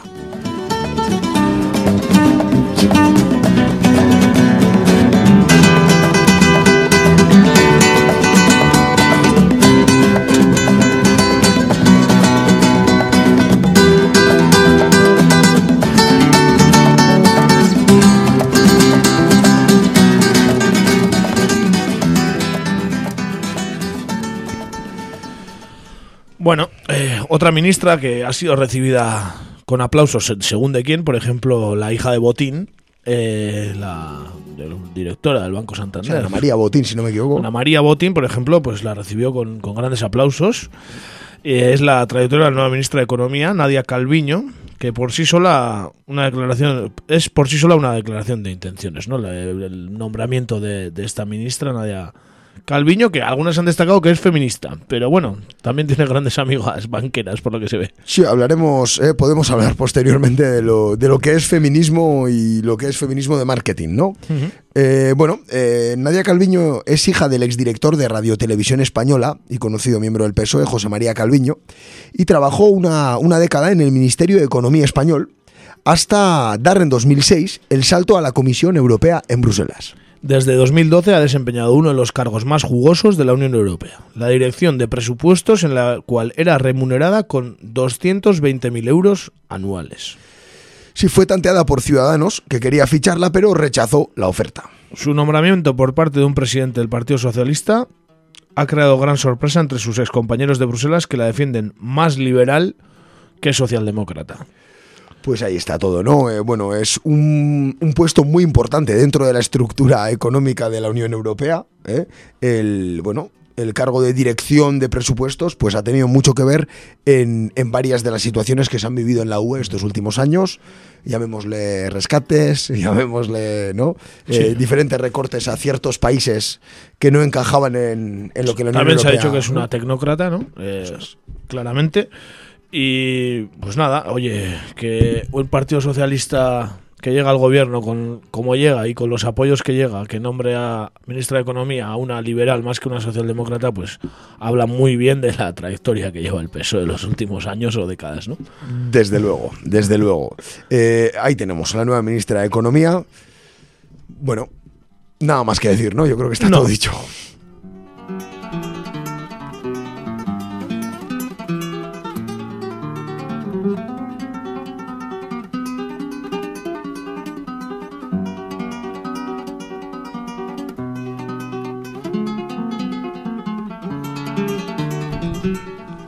Bueno, vamos con el plato gordo, que es sin duda el nombramiento que más ampollas y enfado ha producido aquí en Euskal Herria y también en parte del Estado. Y ha sido el nombramiento del bilbaíno Fernando Grande Marlasca como ministro de Interior. Sí, eh, Fernando Grande Marlasca, bueno, es de sobra conocido ¿no? en, nuestra, en nuestra tierra por su actividad como juez de la Audiencia Nacional y las innumerables causas que desde el tribunal ha dirigido contra el independentismo vasco. Las denuncias de tortura por parte de las y los detenidos en estas operaciones fueron constantes durante años y las denuncias de, los de lo padecido ante el propio juez también. Sin duda, bueno, los datos hablan por sí solos. Este es un dato bastante relevante y es que de las nueve veces que el Tribunal Europeo de Derechos Humanos de Estrasburgo ha condenado al Estado español por torturas desde 2004, de nueve veces, Fernando Grande Marlasca era el instructor en seis de estos casos. Un buen dato. Hagamos un repaso de los casos. Uno de los casos pues es el de Igor Porto y Martín Saras, Machín Sarasola, detenidos en 2008 y que denunciaron graves torturas durante su detención. Recordemos que Igor Porto fue hospitalizado tras perforarle una costilla del pulmón a raíz de los golpes recibidos. Hay fotos de Igor Portu todavía en internet ahora. Se, se difundieron fotos en el hospital de Igor Portu. Efectivamente, alguna foto también de Matín Sarasola después de ingresar en prisión, ¿no? con claros signos de haber sido bueno, torturado. Eh, Fernando Grande Marlasca era el, el juez instructor eh, y el responsable de esta detención. También fue condenado el Estado por torturas a Beatriz Echeverría durante su detención, ordenada por Grande Marlasca en 2011, durante la cual fue violada por agentes de la Guardia Civil. Sí, violada, sí. Otro caso es el de Ollana Town, detenido en 2008 en otra operación dirigida por el ahora ministro de Interior contra la organización juvenil Segui y durante la cual fue golpeado constantemente en cara y testículos. Le colocaron una bolsa en la cabeza en varias ocasiones y fue amenazado con la suerte de que sus familiares podían de la suerte que sus familiares podían correr. Pachi Arratibel fue detenido en 2011 en su casa en Echar-Eranaz en una operación dirigida también por Grande Marlasca contra la organización Ekin. Durante su detención le pusieron en innumerables ocasiones bolsas en la cabeza, le golpearon por todo el cuerpo y simularon violarle y aplicarle electrodos. El Estado también fue condenado por este caso. La última detención ordenada por el juez Grande Marlasca que ha recibido condena por parte de Europa es la de Xavier Beortegui, que fue detenido junto con Pachi Arratibel y recibió un trato similar al descrito de este Pachi Arratibel. Estos son los seis casos en los cuales Grande Marlasca era el juez instructor responsable de... Bueno, Y del- estos son solo los que Europa ha condenado, porque sabemos que los casos son muchos más. Efectivamente, eh, eso es. eh, para muestra un botón, en este caso, ya que está tan de moda el tema de las sentencias judiciales que supuestamente lo comprueban todo, hemos traído seis casos en los cuales el Estado ha sido condenado por Europa, por el Tribunal Europeo de Derechos Humanos, por torturas. las torturas. Podemos hablar de decenas y decenas de casos de detenciones ordenadas En- por Grande Marlasca. Las que el actual ministro del Interior, pues, ha hecho oídos sordos o, o la vista gorda, o como queramos decirlo. Desde luego, bueno, yo creo que lo, lo que mejor resume la actitud del nuevo ministro del Interior eh, es una intervención que tuvo en un programa de ETV2 eh, hace, hace un tiempo y en el cual pues, fue interpelado sobre estos casos de tortura por el periodista Alberto Pradilla. Eh, os proponemos escuchar este corte en el cual Alberto Pradilla interpela a Grande Marlasca sobre estas denuncias de tortura. Eh, dura cuatro minutos, pero esclarece a la perfección cuál es la personalidad de este nuevo ministro del Interior. Mire, este es el informe, este es el informe del forense que eh, le llegó a usted a su mesa el 2 de marzo de 2011. Pero me este- vamos- me vamos a este- juzgar a mí, No, este, este informe aquí pone Ah. que eh, Beatriz Echeverría había sufrido golpes, le habían hecho eh, la bolsa, le habían eh, viola- eh, vejado sexualmente. ¿Y usted qué hizo después cuando recibió este informe? Yo tengo los informes médico-forenses, vuelvo a decir, de todos esos extremos, donde los informes médico-forenses no avalaban ninguno de esos extremos. El Tribunal Europeo de Derechos Humanos es claro y taxativo en el sentido de exponer fehacientemente que no está acreditado en modo alguno Oiga. la realidad. Si puedo terminar, termino, si no, no importa, ¿eh? Tampoco. Pero manifiesta la propia sentencia que no hay ningún elemento concreto de que sufriera ninguno de los malos tratos y agresiones expuestos o referidos por ella. Y, lo único que alega, eso sí, que entendía que no se habían agotado las vías de investigación. Pero, en cambio, el CPT, el Comité de Prevención por la Tortura, para la Tortura, sí que dio verosimi- verosimilitud al caso. De hecho, en su informe de 2011 le señala a usted directamente como eh, un juez que está, digamos, eh, todos los casos de, todas las denuncias de tortura en 2011 se dan en, sus, en, los momentos de su incomunicación. De hecho, señala como particular su, su actividad. No solo ha sido el CPT, también ha sido Amnistía Internacional, esto en general. También ha sido el relator de la ONU eh, de torturas. También han sido incluso sus propios compañeros. Sus propios compañeros en la sentencia sobre los 40 jóvenes absueltos eh, hablan de indicios sobre violaciones de, posibles violaciones de derechos humanos. Eh, también en algunos momentos, en otras sentencias hay se habla de una falta de diligencia y de control y de control efectivo. Usted en el momento de la, de la incomunicación, usted es el responsable de la seguridad de esa persona. ¿Usted ha ido alguna vez a personarse en este caso o en otro? O sea, en este caso, ¿usted se personó, ya que tenía este informe, se personó para saber qué estaba ocurriendo? No, pero yo hablaba. to- eh, a ver, yo no sé si aquí vengo también a ser ya interrogado sobre mi proceder. A responder preguntas. No, no, pues, es no, yo no tengo ni. No, lo que, parece, lo que también he de decir que no me parece tampoco que yo venga aquí a ser sometido a un interrogatorio sobre mi concreto actuar. O sea, no me parece, voy a decir también yo muy claro, de recibo. Pero no tengo ningún inconveniente en contestar que yo para eso tengo eh, la gente que me auxilia y que son los médicos forenses a quien, quienes van dos y tres veces al día a controlar. Quienes me hacen los informes, quien me contestan los informes, ellos y me refieren lo que refieren, pero si hay elementos o no hay elementos objetivos mínimos, mínimos que puedan inferir esa, esa conclusión de la realidad de esos, de esos extremos citados. Yo personal me creo que me y yo me he personado sin avisar, y hay muchos letrados que lo saben en comisaría para ver a detenidos incomunicados. Luego pasaremos a hablar de los últimos dos macrojuicios que, que han sido instruidos por usted. Pero, caso- he venido, vuelvo a decir, a los juicios que han sido instruidos por mí, es decir, o sea, eh, primero no voy a hablar, no, pero, pero a ver, humanos. que yo puedo seguir, por supuesto, y hablamos de derechos humanos, de, de todo, quiero decir, de todo, y podemos hablar. Lo que yo es una cuestión que no suelo hablar de los temas ni de las cuestiones, y por deferencia, por educación, estoy hablando. Pero creo que tampoco voy a centrar, ni puede centrarse mi comparecencia aquí en hablar de los asuntos que he instruido o he juzgado yo. Porque caso- yo me explico en mis resoluciones y en mi trabajo. Y a mí, si alguien me tiene que pedir, eh, quiero decir, explicaciones, me las puede pedir y también, quiero decir, pero la, pero la prensa, pero en un tono que tampoco sea, quiero decir, exclusivo. revelador que, eh, hasta, eh, que hubiese una diferencia entre las inculpaciones entre las personas que estaban en el Estado francés y las personas que estaban en el Estado español. Por otra parte, habla de una privación de la estimulación sensorial que está prevista en los métodos de tortura del Manual Internacional para la Investigación y la Documentación de la Tortura. Esto lo dice literalmente la sentencia. Es decir, más claro creo que no se puede ser.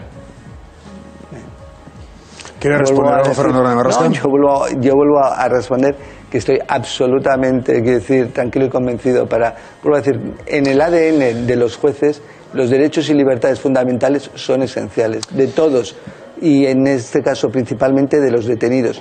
Y si son detenidos incomunicados, mucho más. Y cuando vemos...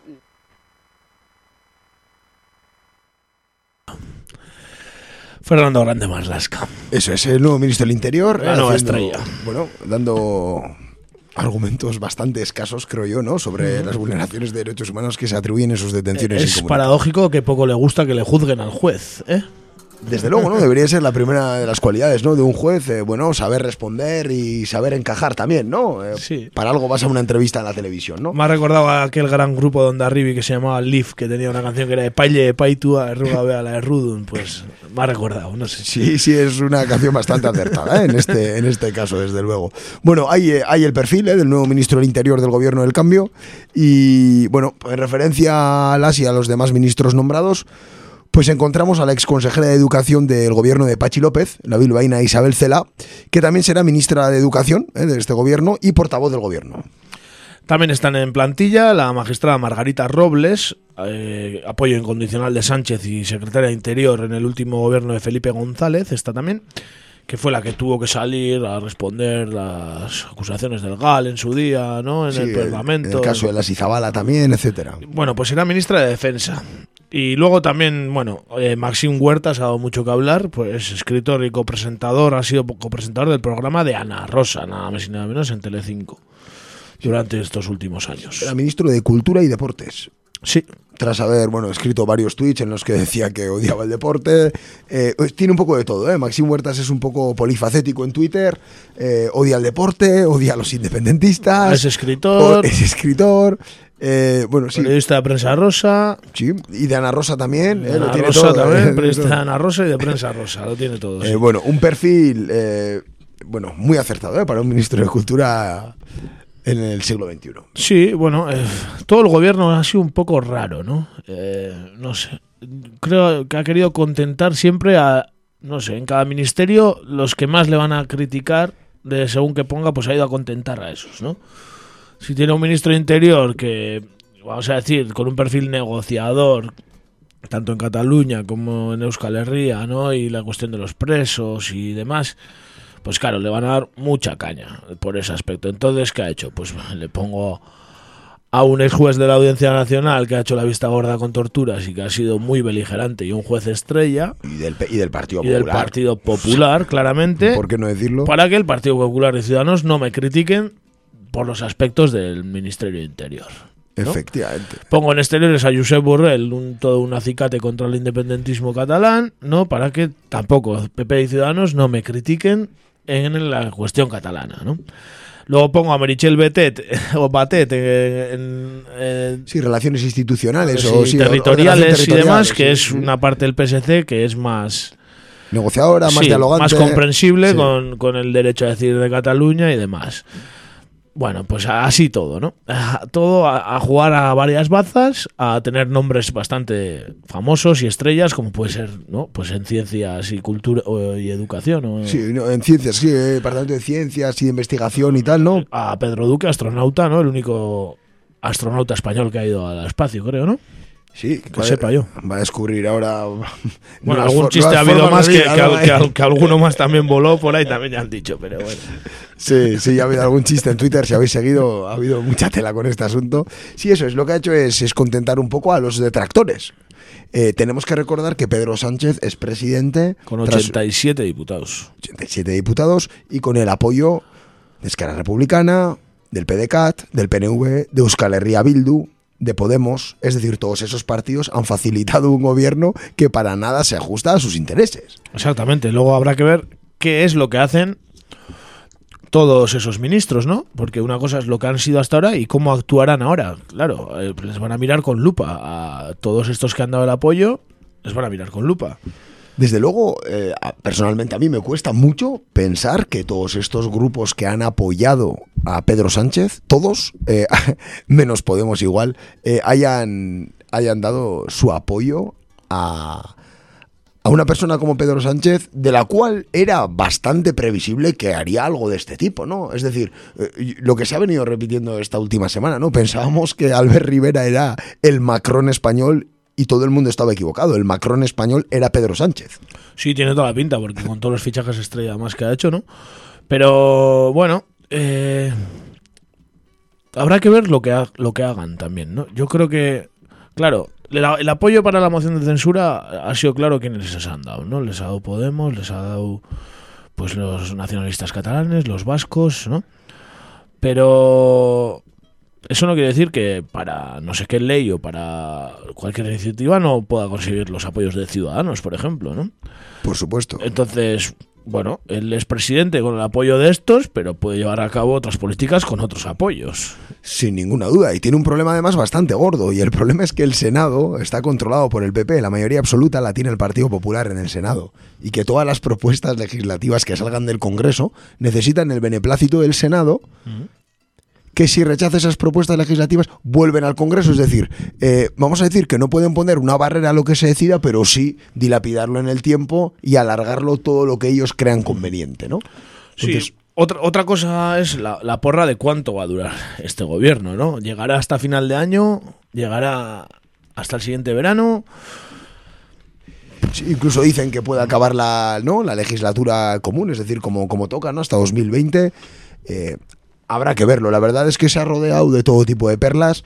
Eh, por mencionar una última, creo que bueno, su jefe de gabinete es un experto en marketing político que asesoró en su día a Xavier García Albiol cuando se presentó a la alcaldía de Badalona con, con la campaña Limpiando Badalona. No Muy si bien. os acordáis. Sí, sí. Buena gente será. Eh, bueno, para, para- para que os hagáis una idea, más o menos. de Además, que- es de Donosti. efectivamente, es de Donosti. Efectivamente, el jefe Ni de más ni menos. Mm. Eh, pues, por comentar algo más, eh, pues se me ha ido lo que iba a decir ahora mismo. No, no sé, qué, no sé qué iba a decir.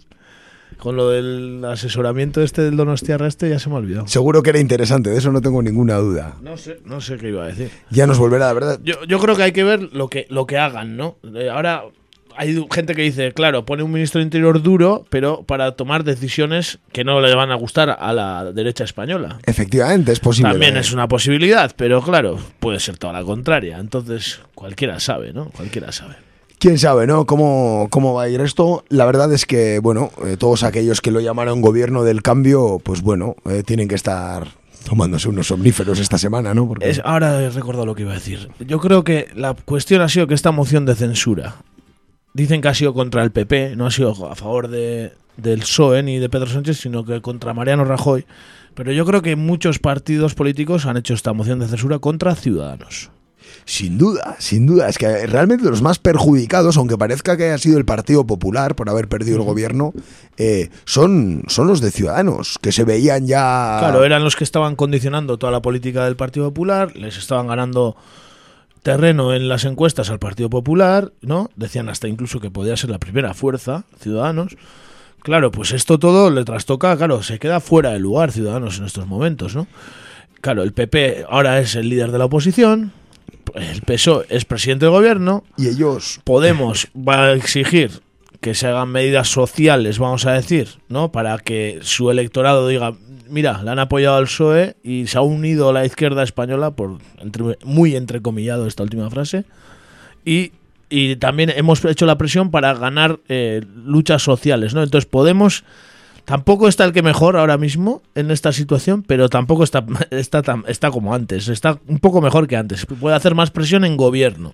Sin duda, puede rentabilizar mucho mejor ¿no? Eh, las carencias que tenga el nuevo gobierno diciendo, bueno, nosotros os hemos apoyado en esto, no habéis cumplido, veis como vosotros no sois la alternativa al PP, ¿no? Exactamente. Entonces el que más pierde es Ciudadanos. Entonces la moción de censura yo creo que, que es más contra los ciudadanos que contra el PP.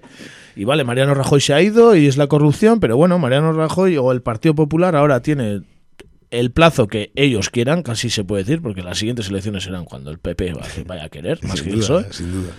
Y bueno, tienen ese, ese espacio de tiempo para conseguir otro líder, afianzarse, hacer una oposición dura y volver a intentar a serlo la primera fuerza en España, que tranquilamente volverá a serlo.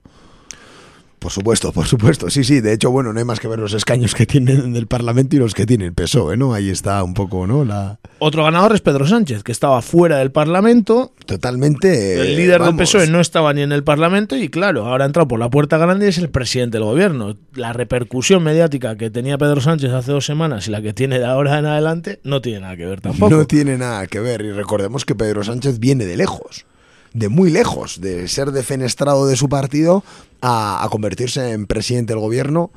Eh, y bueno, ahí también es verdad que ha tenido iba a decir mano izquierda, pero creo que no es lo más adecuado, ha tenido bastante mano, dejémoslo así, eh, colocando a dos personas, eh, a dos ministras que son cercanas a Susana Díaz, buscando un poco la entente dentro de su propio partido, ¿no?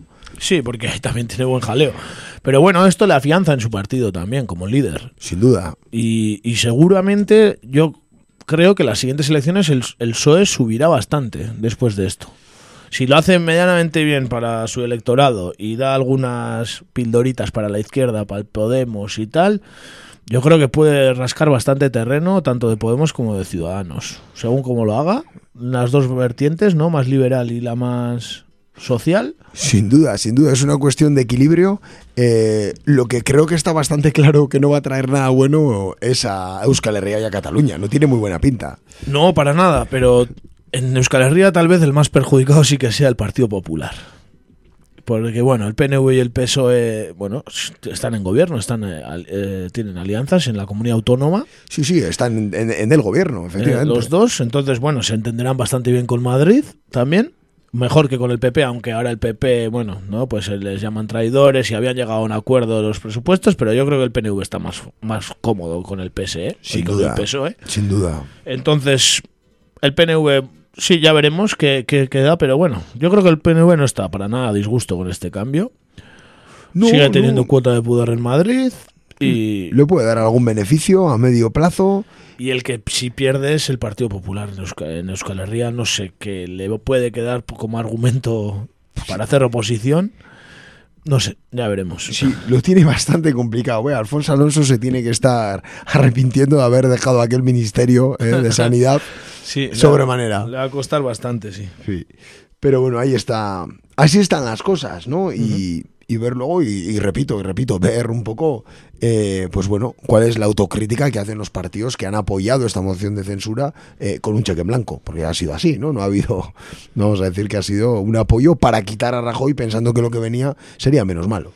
Sí, habrá que ver qué decisiones toma, hombre. En las formas ya han cambiado, ¿no? Van a hacer, se va a reunir con, con Kim Torra, ¿no? Con el presidente de la Generalitat y demás. Bueno, por lo menos el trato institucional parece que, que va a ser mejor. Luego las decisiones que se tomen y los apoyos que pueda conseguir para que esas decisiones eh, sigan adelante, pues ya será otro cantar, ¿no? Efectivamente, ver venir, ¿no? Eh, la verdad es que el PSOE tiene mucha historia, ¿no? Y cuando ha estado en el gobierno siempre ha habido, ¿no? Bueno, hay mucha memoria por ahí, ¿no? Sí, no, Euskal Herria no, no tiene buen recuerdo de los gobiernos del Partido Socialista, la verdad. Desde luego que no, ¿eh? por lo cual, bueno, pues eso, hoy tocaba esto, ¿no? Hoy tocaba y, y bueno, ya le... Eso es. Veremos cuánto dura. Eso es. A ver si para el próximo la próxima temporada, cuando vuelva Gaurregur, a ver si sigue este gobierno, a ver cómo estamos, o ya han programado elecciones, o ya estemos en campaña. o- Va a ser una legislatura totalmente de campaña también. Sí, totalmente, yo creo que ya han empezado, ¿no? Ya han empezado, ¿no? Está ahí cada uno intentando echarse mantequilla a sí mismo para ver cómo, cómo camelar al electorado, ¿no? Bueno, un tema que nos gusta, pero que como está en el tintero todos los días, pues tampoco nos gusta traerlo demasiado, ¿no? Eso es, ¿no? Intentamos evitar, ¿no? Temas tan recurrentes, pues en general, porque hay mucha información al respecto y, y cada uno se puede informar. Ya lo comentábamos un poco en Sare Socialac, ¿no? Porque siempre hay algún comentario de la actualidad española. Sí. Y bueno, pues de vez en cuando está bien traer la, actua- la actualidad española de la que también pues todos eh, nos informamos aún sin querer. Eso es, nos gusta, ¿eh? hay que decir que nos gusta.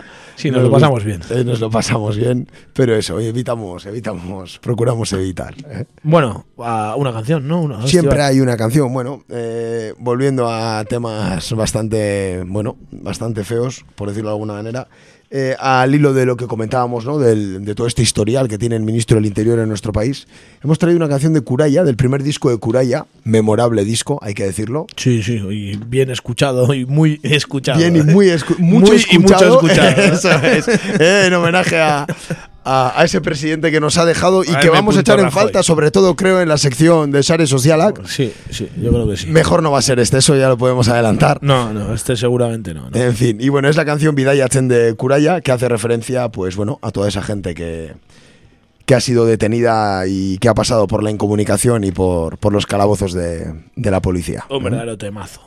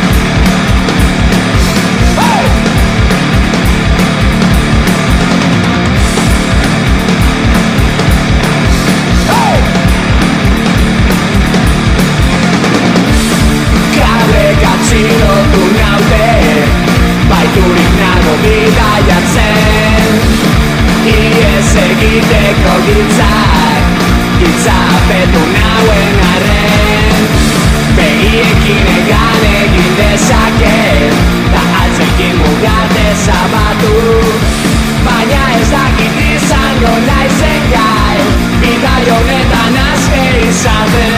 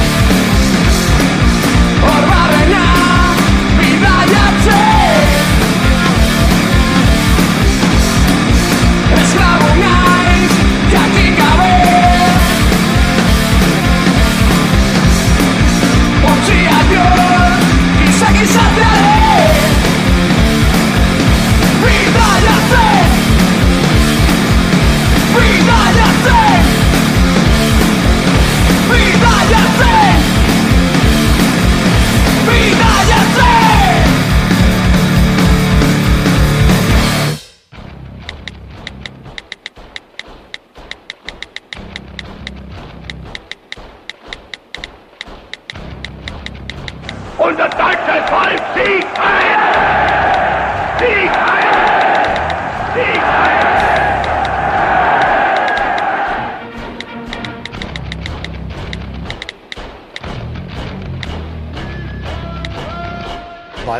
SSA. Sare sozialetan egur.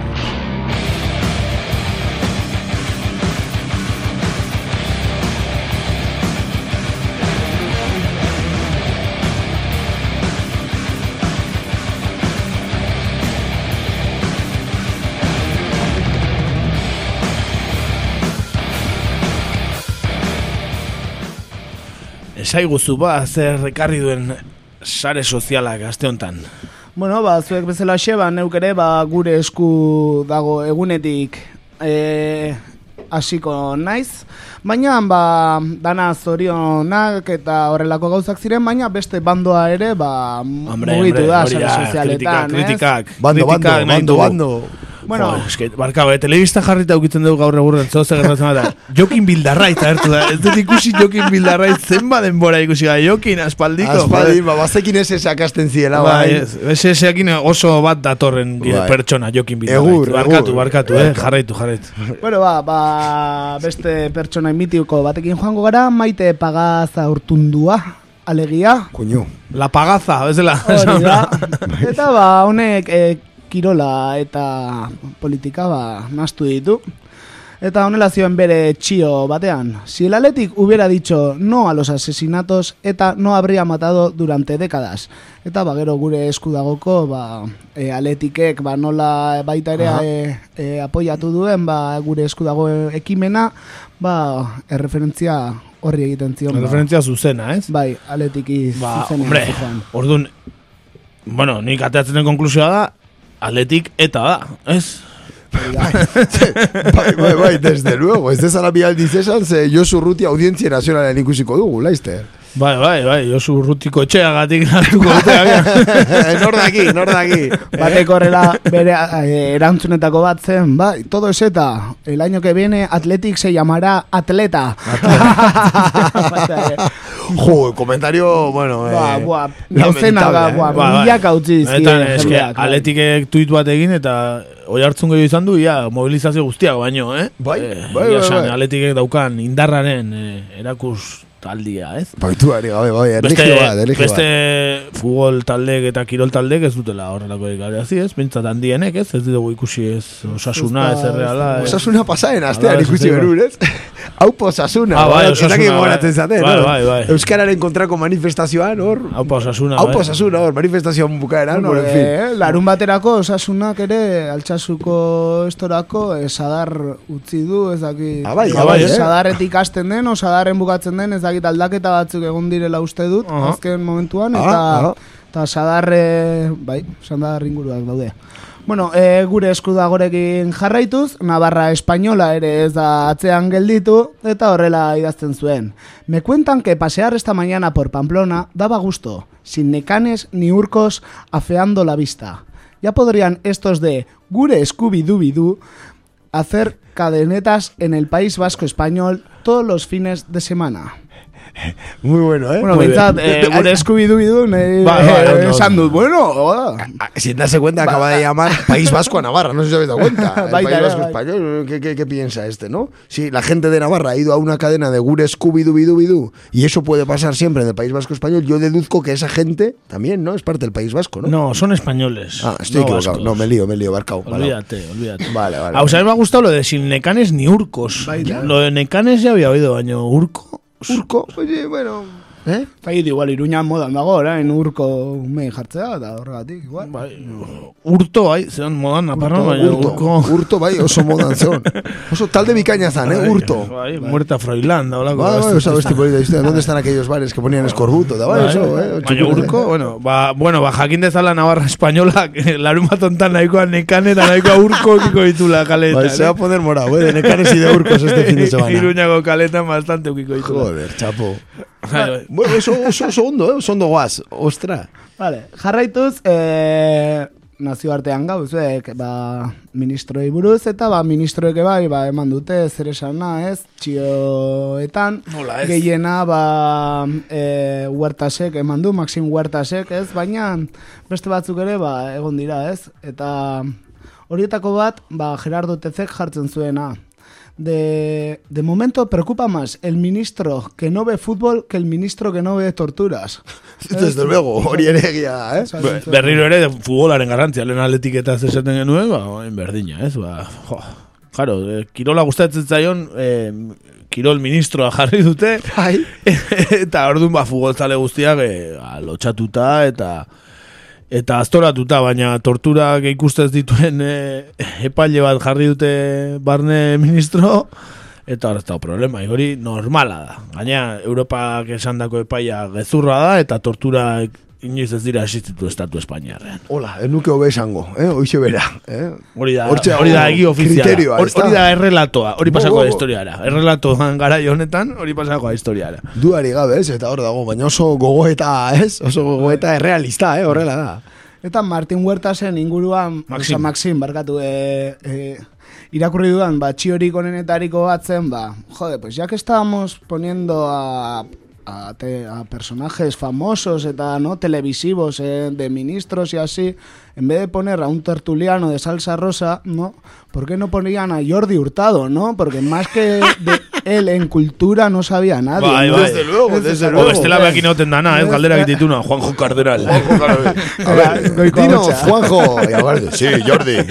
Sí, va a ser joven. Baina... Hori perfecto izango zen, bai. eh? Ez, pentsatzen nahi nintzen esan hartzen nula, eh, ministra de Asuntos Sociales, eh, Belén Esteban, hola, izango zen, la, rei- la reina del pueblo. Etzazu bi aldiz esan, eh? Etzazu bi Cesan, al pueblo. Claro, al pueblo. Está su al Cesan, ¿eh? Terrible. Andreita comete el pollo, vale. Bai, bai, bai. El pollo de la bandera. Hostia, te de cómete el pollo de la Igo bandera. zitun pentsio eta danetik. Joder, eta tentsio ere. Tentsio bai, tentsio bai. A- Azalekoa, botoxakin. Botoxakin azaleko tentsioa.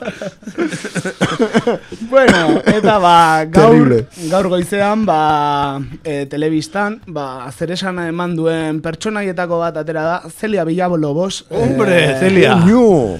Hombre. Que venga, que venga el taxi ya, que venga. Manolo, coño, que, joder. Celia Villalobos. Por cierto, eh, Candy Crusharen edizio berri bat atera dute aste honetan, seguro. Celia ya deskargatu duela Bai, bai, bere bai. smartphonean. Bai, bai, segituan apli- aplikazioa segituan abisatzen dira. Oso aplikatua da Celia. Bai, bintzat Candy Crushean bai. Joder. bueno, eta ba, zer esan eman duena, gehien bat, ba, berak botatako hitz batzuk izan dira, ez? Ba, horrela esan duena. Tengo sensibilidad más de centro-izquierda. Estamos jodidos porque han desalojado a Rajoy y no se lo merece. Es lo de centro-izquierda. Me, enca- jo, anda, bai, me ha encantado. o sea, Perfilla de acá, ¿eh? Centro izquierda, benetan, ¿eh? Villalobos, vamos. Centro izquierda es porque hace más puntos a la izquierda que a la derecha de la pantalla. Igual ikusi du bere burua eh, PSOE baino ezkerrera gota, orduan pentsau du ja ezker, ezkerren dagola. Igual hori izango da. oso Ah, hostia, posible da. PSOE de ezkerreko esaten bauta, Ciudadanosek de centro, pues, si beha jo baino progresista guana, izez, pentsau zu. Hori da, horregatik esan centro izquierda. Centro izquierda, claro. Eta ba, Celia, ¿eh? No. Eta ba, hone lehenengo txietariko bat, ba, Maria Bitelek egin du, eta hone da zioen, Celia Villalobos es de centro izquierda, el PSOE es socialista e Inés Arrimada es feminista. Ez zioen. Es la conclusión de la semana, está. Ba, eman omen du gaur bai asko esateko asteuro hontan, eh, batematek atea zula Ines Arrimazikin selfie bat, baina zeuken mobilan beste alden atzen, o ka- karkasa, o ez, mobileko karkasa edo, estela da. Estela batekin selfie eta argazkia zen, ba, hori Ines Arrima selfie ateatzen estela batekin, da, bastante, bastante uste txisteta eman ditula. Bai, sare bai, nahiko, bai, ikusi dut, bai, bai, bai, bai, bai. El infiltrado, eta lako, eh, en plan, ahí, super. La infiltrada, igual, Eso eh? es, ya te digo, bai, bai. Bai. Eta ba, bueno, e, Celia Villalosekin jarraituz, ba, e, tertu, goizeko tertulia honetan, ba, nahiko agresiba bukatu omen du, bai, ba, hitzetan, eta, Ai. ez, estoy harto de oiros, eta Ah, horrelakoak, bai, eh? ez, esan ez, bai. Ay, Telia, el anisete de la mañana. Eso te iba a decir, un mal desayuno, eh, un mal desayuno es eso. Baten batek idatzi dio, el carajillo hay que quitarse, el carajillo de la mañana hay que quitarle, eta horrelakoak idatzi dizkie. Eta ba, honena ba, nere ustez ba, la gorda zibilek e, idatzi dio, he quitado el cartel de cuidado con el perro que muerde y he puesto una foto de Celia Villalobos. bai. Eh, Y todo esto sin pensar en lo que no habrá aguantado hoy el chofer. Lo que no habrá aguantado. Hombre, chofer oficial. O Manolo, amigo. Manolo, O Manolo, o Manolo. o Manolo, el taxista. Lo que no le habrá aguantado en el taxi a la vuelta. Bueno, en fin. Ju, Gizajoa, gizajoa. Gizajoa, gajoa. eh. es un tonto. es un tonto. Es un tonto. Qué pasada, lo txagabea baina. Ikaragarri, eta bere senarra, alderdi popularreko itzaleko pertsona importantenetako bada, eh? Jose María Aznarrekin. Bea, ez dakit ez dan, eh, Espainiako parlamentuan eh, denbora gehien daraman parlamentaria, ez dakit ez dan. Urte gehien daraman. Urte asko dira, eh? Dor, Ba, bai. dagoela. Ba, bai, aznarren garaian ja ministre izan zen, edo? Izan zan. Bai, bai, bai, bai. Ba, ez dakit gehiago? Bueno, ba, bai, nahiko, ondo, eh? ondo, ondo, ondo, ondo jundia, ondo jundia.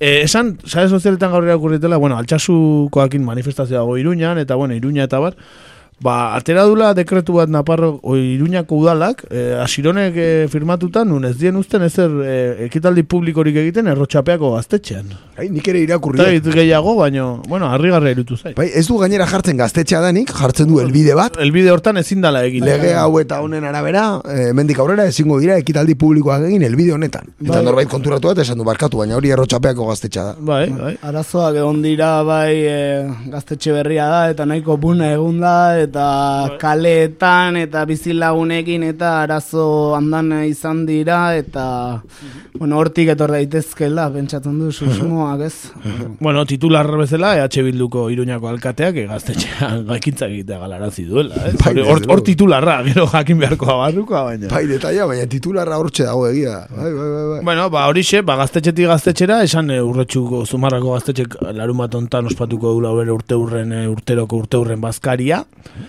Eta kontzertuak ongo direla, eta partxizerraldoia, eta bazkala horretik, ba, betiko pelota txapelketako final ospetsua, ez dakitzen joangoan finalean, pelotari famaturen bat ustez, baiet.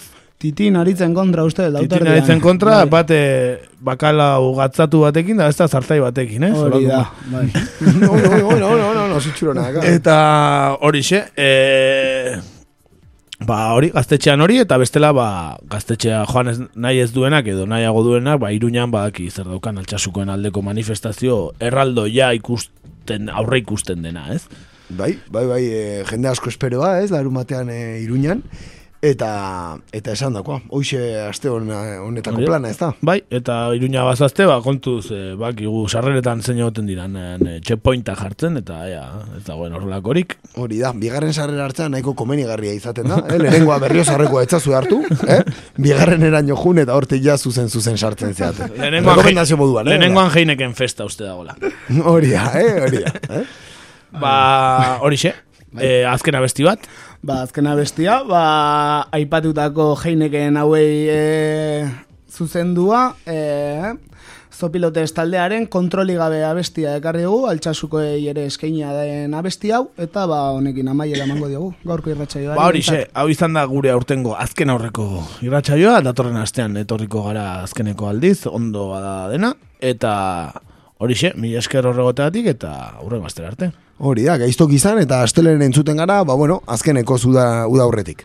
Hori da, ba, nola larun batean, e, altxasura joango direnak, e, ahotsa ez dute, ahotsa erabili beharko dute, oiuak egiteko, eta ba, gaztetxean gelitzen direnek, parranda botako dutenez, ez dakigu, ba, ahotsa oso onekiko, e, onarekin etorriko garen astelenean, baino hemen izango gara, ez? Hori, aleginduko gara behintzat, eh? alik eta pertsonen izaten. Bestela zeinu hizkuntzan egingo dugu eh, beti akau kamera bat jartzeko aukera.